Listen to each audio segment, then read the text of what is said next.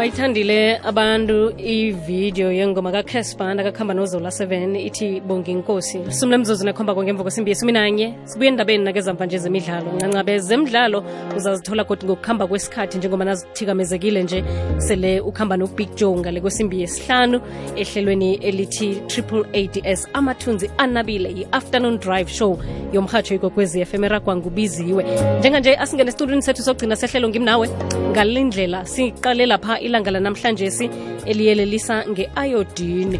Into ekuyinto etholakala ekudleni njengabomavitamin nezinye eziningi esithi nasidlako um thole umzimba uzitholela khona bese-ke zisize umzimba ngandlela nathize i-iodine le ngenye-ke efumaneka ekudleni sizokufundiswa yi-dietitian umbali eh mapholi la emhatshweni kwekwezi FM njengoba namhlanje sikuyi-global iodine deficiency disorder prevention day lokusho khona ukuthi kuvikelwa ukuthi umuntu angabi ne-disorder namkhana ukugula okuzokubangelwa ukuthi awunayo i-iodine. Aluzoyifumanaphi sokuphendulwa ngumbali. Mbali lotshani yebo sanibona sithi njani? Sikhona kukhanya ba emhatshweni kokwezi kunjani lapho khona wena hayi kukahle angisolutho. Awusoli ne umuntu osebenza ngokudla sesimbali basho wena uyi-dietitian. Alo iphasi lonke liza kukhuluma nge-iodine iyini? Icakatheke ngani kangakangaka Mm, i-iodine iyenye njengoba kade uchaza nje iyenye yemsoco edingakalayo emzimbeni womuntu. Into ebaluleke kakhulu ngayo ukuthi umzimba wethu awukwazi ukuyenza. Um okusho ukuthi siyithola ekudleni isikhathi esiningi asikwazi ukuthi umzimba uzenzele yona. Ibalulekile-ke ngoba i-iodine iyona eyenza ukuthi um i-thyroid okuyiyona um iguludla elitholakala la emqalweni womuntu okuyiyona esisizayo um ukuthi uma ngabe senza lokhu esikubiza ngama-hormones emzimbeni bese okwenza ukuthi umuntu abe abona uma inhliziyo igubhazela eh lezo zinto ekanjalo zenziwa ile thyroid so eh kubizwa i-thyroid ibizwa ngegilo so igilo ke ilona elibalekile eh lenziwa i-iodine ukuthi lisebenze ngalendlela lelifuna ukusebenza ngayo. Eh ngilahlekile. Yo hayi sangibethi isizulu. Bese isizulu yo. Uright wena nawukhuluma isizulu. Ngibawa nethi ungitshelelele igama uthi yini? Igilo. Igilo. Eh ngesizulu sithi igilo. Angazi ngesingisi yini? Ngesingisi thyroid i-thyroid. Ikuphi? Eh ila emqaleni la entameni. Ila ngaphakathi. Uke wambona umuntu uthola ukuthi eh une une intamo yakhe ivuvukele uma umbuka ehe kube ngazi ukuthi kune kunento ela emqaleni. Ibonayo nje enkulu la emqaleni lokho kubangelwa ukuthi usuke engenayo iodine iodine eyanele so leyo leyo lelo lelo guludla lisuke selilikhulu lapho. Kahle kahle kumele libe lincane. Ilona ke lisizayo ukuthi eh ama thyroid hormones ahambe ngendlela kufanele ahambe ngayo. Ukhuluma ngento engiyibona ngaphambili entameni noma ngaphange emaqadi ingaphambili. Iba lapha nje yabona?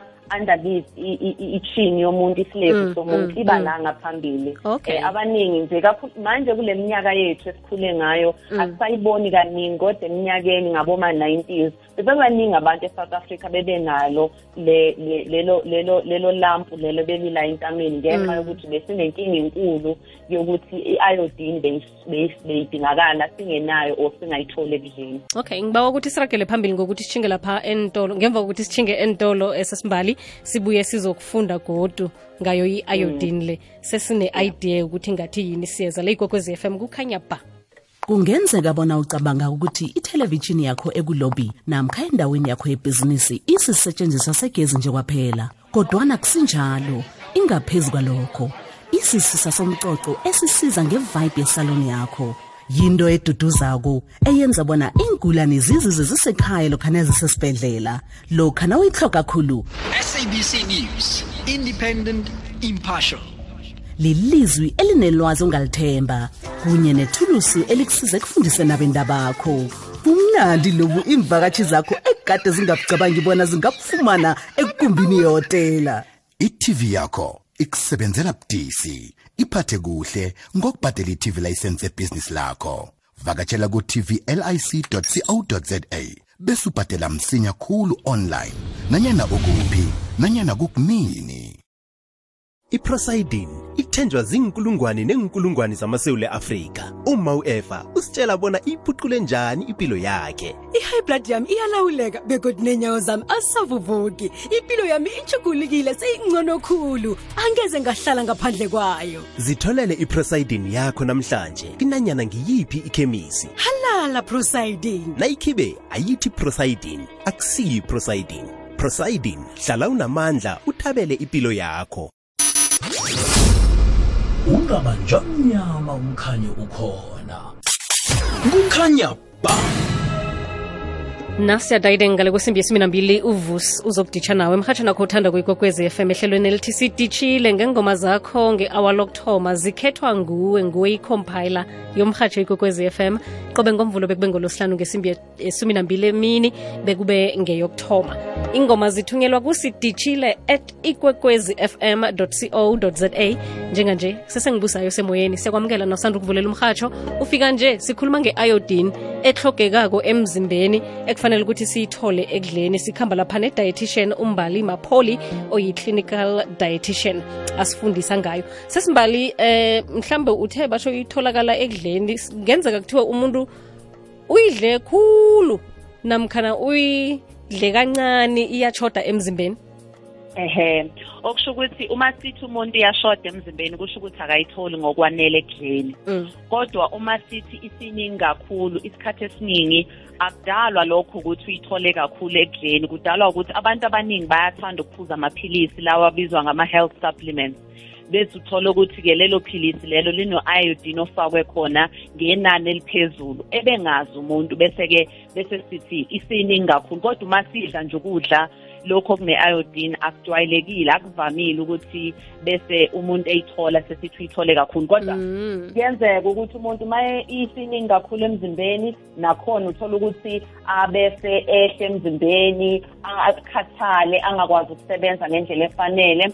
Eh njengokuthi uma incane emzimbeni nakhona futhi kuba nzima ukuthi aphefumule ngoba le lampu le bengikhuluma ngayo ebala esentameni yenza kube nzima ukuthi umuntu aphefumule nanokuthi adle futhi nje nokuphila nje kuba nzima. Okay so njengoba i-awareness imayelana ne-deficiency kuhlogeka kwayo-ke mhlawumbe emzimbeni uzokubonakala njani-ke umuntu bese-ke ayephi nakazibona ukuthi uhloge i-iodine? Into e- e- e- e- eba inkinga ukuthi akusiye wonke umuntu othi uma ngabe eswele i-iodine bese intamo yakhe iyavuvukala ibe naleli lampu bengikhuluma ngayo Mm. kwesinye isikhathi nje umuntu uyibona ngoba awu uyakhathala eh ngoba dingisho nje ehle nasemzimbeni into ebalulekile ukuthi uma kukhona nje into oyisolayo ukuthi yazini umzimba wami ngazi ukuthi awukho ngendlela ekahle ngazi ukuthi ngiyehle emzimbeni noma ngiyakhathala noma angikwazi nje ukwenza izinto ey'fanele ngizenze ngosuku. Kubalulekile ukuthi uye emtholampilo bayobheka ukuthi ngabe udla ngendlela efanele yini nanokuthi uyayithola yonke yini imisoco kungenzeka ukuba u-iodine oshoda ngayo kwesinye isikhathi kungenzeka ukuba i-iron oshoda ngayo noma yimiphi eminye imisoco ongabe ushoda ngayo. Kodwa nje into engingayigqugqumezela ukuthi uma ngabe umuntu ekhulelwe kakhulukazi omama aqikelele ukuthi uyawaphuza la maphilisi ababanika wona eklinikhi ngoba ano-iodine u-iodine ubaluleke kakhulu ey'nganeni. Iy'ngane umqondo wazo ukuze uzosebenza ngendlela efanele udinga i-iodine otherwise siba ney'ngane ezingakwazi ukuthi yihlakaniphe lokhu esikubiza nge-i q. ukuthi umntwana azame ukushesha athathelele izinto phezulu. Lowo mntwana lowo kusho ukuthi usuke eshoda nge-iodine so mama bazithwele kumele baphuze amaphilisi abawanikezwayo esibhedlela. Hmm. ene siwasaba. Umntu athi mna ngiyawathatha ngiwapake lapha. Upaka ukudla okufunwa mntwana. Alright Ah, eh. n- nawo kumele siwaphuze ngoba kulesi sikhathi ukhulelwe noma uma usuncelisa wenzela ukuthi umntwana angashodi ngale msoco le efana nabo iodine. Abaluleke kakhulu ukuthi umntwa ahlahlambe umntwa- um- umntwana ingqondo yakhe isebenze ngendlela efanele. Nanokuthi uma ezalwa angazalwa emncane kakhulu ngomzimba azalwe ekwi-weight elungele ukuthi akwazi ukuphila akwazi ukuphefumula inhliziyo yakhe nayo ikwazi ukusebenza ngendlela efanele. Kuzokala kamnandi. Ngikuphi ukudla-ke okunayo i-iodine? Kakhulu kakhulu ke ngoba kuke kwabonakala ukuthi eningizimu ne-Africa ne-Africa yonkana nje ukuthi abantu abaningi ke bana iodine deficient kwaqalwa ke i-process yokuthi u-iodine ufakwe kusawoti so uma uhamba-ke uyothenga usawoti esitolo hhayi usawoti lo mahahlahahla lo esibiza nge-sea salt ukhuluma ngosawoti lo esiwufaka ekudleni lowo sawoti lowo uno-iodine ofakwe khona. Ungawufunda nje ubhaliwe ukuthi iodized or iod- or iodine added. Okwesibili-ke into esizayo ukudla ukudla lokhu esikubiza ngedairy into efana nobisi amasi iyogathi no-cheese nakho futhi kuno-iodine owanele bese kuzoba ufishi eh ikakhulukazi-ke ufishi asujwayele kakhulu laba ababizwa ngo-shrimp no-seaweed kodwa kukhona lo sethinini obizwa ngetuna nawo futhi uno-iodine. Kodwa nje ngingagcugcumezela ukuthi uma sifaka nje usawoti ekudleni hhayi kakhulu. Kancane nje uthi thasi uyakwazi ukuthi um- umndeni wonke ukwazi ukuthola u-iodine ngale ndlela le kufanele siwuthole ngayo.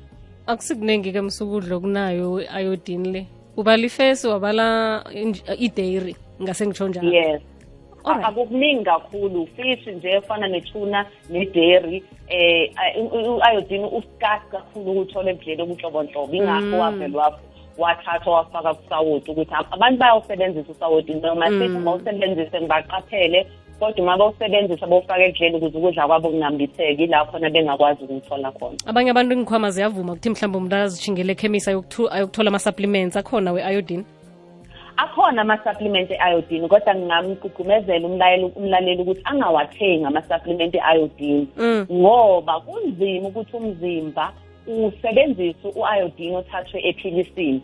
Uwenza ukuthi bese vele ube mningi kakhulu emzimbeni. Ngingathi nje umlaleli angawathengi angaveli nje athi hhayi ngiyafola ngathi ngine-iodine deficiency ngizwe i-dietitian ikhuluma ngayo bese emthola bese ya efamasi eyowathenga.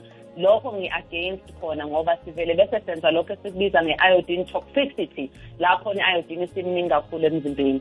Uma ngabe ufuna ukwathola amaphilisi ngamane ukhulume ne-dietitian noma ukhulume nodokotela kodwa ungayi ukuyowathenga nje akhona wona kodwa ungawathengi ngoba uzoba nenkinga azogcwala uzogcwala kakhulu i-iodine emzimbeni. Alright njengoba sowusitshelile nje ukuthi atholakala i- i-iodine itholakala kuphi se kukuyi- kudla izinto lezi na ubona ukuthi ngathi unamathwayo la owabalileko wokuphelelwa Yeah. mamandla nani nanani Yeah. A- a- Yeah. akuhlogeki ukuthi umuntu achinge kwadokta cha a- a- a- akudingakali a- at all Oh, okay. mayizodla mayizodla nje aqinise and into emnandi ayikho phela mnandi kodwa uma umuntu-ke sene-iodine deficiency kukhona leli guludla noma lelampu ebengikhuluma ngayo uma eseqaphela ukudla adle lezi kudla engikubalayo njengotuna ideri nanokuthi afake usawoti ekudleni kancane iyabuyela emumva iyakwazi ukureverseka ayikho permanent ayikho Oh. vele ukuthi sekuyi-permanent physical disability cha iyakwazi ukuthi yehle yehle ibuyele esimeni leso kufanele ibe yisona inkinga ukuthi abantu abaningi umuntu ahlala nawo nje bese kuthiwa hhayi mhlawumpe uloyiwe noma hhayi sekuyisifo nje asewuphila naso bese bengayi emtholampilo uyabona Mm. bese umuntu ehlala nayo iminyaka kanti hhayi yinto nje ongayi emtholampilo uthole ukuthi ba- ba- ba- bakutshela ukuthi idla kanjani eh noma kwesinye isikhathi uma ngabe sekuseviye bathi awanawo amaphilisi kodwa kumele kube ukuthi udokotela okunika lawo maphilisi emtholampilo uwaphuze emva kwesikhashana bese iyakwazi ukuthi ibuyele esimeni-ke ungabisaya banayo i-deficiency. Okay na unayo-ke i-deficiency leyo wangenza litho. Kunama-complications eza nakho lokho ingaba ingozi kangangani? Ingaba ingozi kakhulu ngoba njengoba ngichazile ngathi kwesinye isikhathi uhluleka nanokuphefumula nanokudla. Uma kunzima-ke ukudla kunzima ukuphila ngoba ukudla kuyimpilo Mm. okusho ukuthi-ke impilo yakho ibisi bathakathaka bese kuqala nezinye izifo-ke ey'dalwa ukuthi awudli ngendlela le kumele udle ngayo. Iyabona nje izinto ey'nzima ukuyihlafuna nokuyigwinya uvele umane uqhelelane nazo. Lokho-ke kudala ukuthi manje sekuneminye-ke imisoco ongasayitholi ngoba awudli ngendlela efanele. So kuba nalawo ama-complications afana nalawo. Usihlathululele kamnandi um dadewethu ngayo i-iodine le namhlanje si nangokuqakatheka kokuthi sibe nayo. Siyathokoza ngitsho. Ngikubonga mina sesi nangambala umbali mapholi uyi-clinical dietitian besikhuluma ngalokhu okuyeleliswa ngakho namhlanje si okubizwa ngokuthi yi-global iodine deficiency disorder prevention day. Okutsho khona-ke ukuthi abantu baza kudla imfesi angitsho akuchingwe emanzini kuyokubanjwa imfesi olright ungayithenga nangeblegeni-ke utshile nedairy njalo njalo. Njenganje isikhathi sokuthi sekuzwa umdlalo moya othe awusemsamula imphosa emnyango sibuye sokulayelisana ihlelo lithi ngimnawe emoyeni ngibusayi